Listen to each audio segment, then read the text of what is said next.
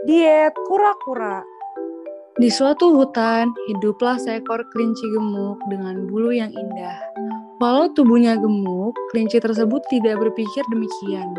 Ia merasa ukuran tubuhnya adalah ideal yang menandakan sehat. Karena hutan tersebut dekat dengan warga desa, maka tidak ada binatang buas yang hidup di sana. Kelinci tersebut merasa bahwa dialah pemimpin di pinggiran hutan tersebut. Ia pandai dalam melarikan diri ketika ada seseorang yang hendak melihatnya. Tidak hanya itu, ia juga pandai bersembunyi dari tatapan manusia, sehingga ia merasa bahwa dirinya sangatlah hebat. Hahaha, tidak ada manusia yang bisa menangkapku. Bangga kelinci. Pada siang hari, si kelinci sedang berjalan santai di pinggiran sungai. Ia melihat seekor kura-kura di pinggiran sungai hendak naik ke darat. Hai kura-kura, lambat sekali jalanmu. Dengan cara berjalan seperti itu, aku yakin kau akan jatuh lagi ke air. Hahaha. Tawa kelinci itu mendengar ejekan kelinci, kura-kura mengabaikannya dan tetap berjuang ke atas untuk mencapai daratan. Dengan kegigihannya, kura-kura akhirnya hendak sampai di daratan. Namun, melihat hal itu, kelinci merasa tidak senang karena kura-kura tersebut menghiraukannya.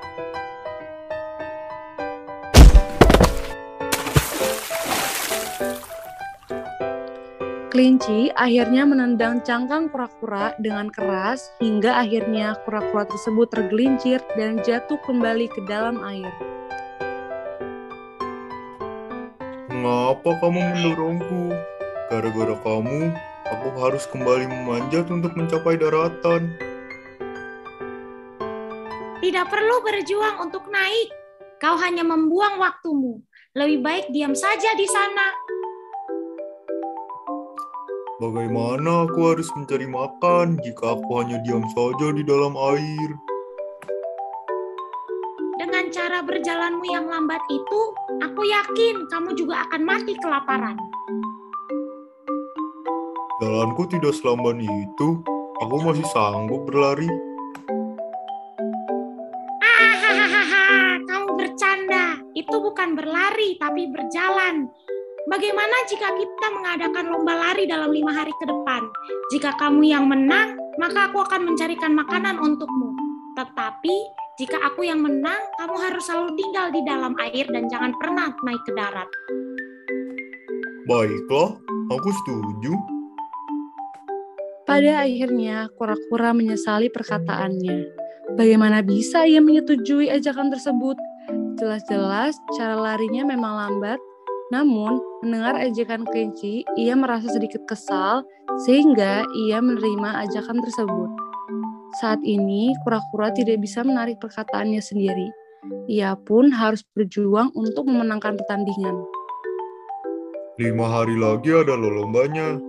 Aku harus berlatih berlari agar dapat meningkatkan kecepatanku di lomba nanti. Kura-kura akhirnya mulai mengelilingi hutan, Walau jalan yang dilaluinya cukup jauh, kura-kura tetap semangat menyusuri hutan tersebut. Setelah dua hari berlalu, kura-kura merasa kecewa karena ia berpikir larinya tidak bertambah cepat. Bagaimana ini? Aku sudah berlari keras tapi tetap lambat. Sepertinya aku terlalu berat. Aku harus mengurangi makanku agar kurus. Akhirnya, kura-kura membuat keputusan untuk diet. Ia hanya makan secukupnya dan terus berolahraga. Kura-kura berjuang keras untuk dapat mengalahkan kelinci, namun sebaliknya, kelinci menganggap remeh kura-kura dan makan banyak mengabaikan tubuhnya yang gemuk. Hari yang ditunggu-tunggu pun akhirnya telah tiba. Kelinci dan kura-kura telah datang di tempat yang dijanjikan. Ketika lomba dimulai, kelinci langsung berlari meninggalkan kura-kura di belakangnya. Namun, karena tubuhnya bertambah gemuk, kelinci tidak dapat berlari cepat seperti dulu. Dan hal yang mengejutkan terjadi pada kura-kura. Tiba-tiba saja, cangkangnya lepas dari tubuhnya yang cukup kurus karena diet. Astaga, rumahku lepas. Maaf rumahku, aku harus tetap berlari agar menang. Kura-kura pun berlari meninggalkan cangkangnya. Karena meninggalkan cangkangnya, kura-kura dapat berlari lebih cepat dibanding sebelumnya. Namun, ia tetap tidak bisa mendahului kecepatan kelinci. Ia hanya bisa berlari menantap kelinci yang ada di depannya. Ketika kelinci hendak mencapai finish, hal yang mengejutkan terjadi lagi. Tiba-tiba berhembus angin yang sangat kencang yang hingga sanggup menerbangkan kura-kura. Oh, Kura-kura terbawa angin. Kura-kura tertiup angin hingga akhirnya ia mencapai finish terlebih dahulu. Dan kelinci sangat tercengang melihat kejadian itu. Ia tidak menyangka ternyata kura-kura itu sangat pintar memanfaatkan angin untuk membawanya terbang. Kamu sangat pintar. Aku telah kalah. Maafkan aku karena telah meremehkanmu. ya, aku tidak tahu mengapa aku bisa mencapai finish. Tetapi terima kasih atas pujianmu. Aku memaafkanmu, kelinci. Akhirnya, kelinci dan kura-kura berdamai. Dan setelah kejadian itu, hampir setiap hari kelinci membawakan makanan untuk kura-kura dan semua itu dilakukan untuk memenuhi janjinya pada kura-kura.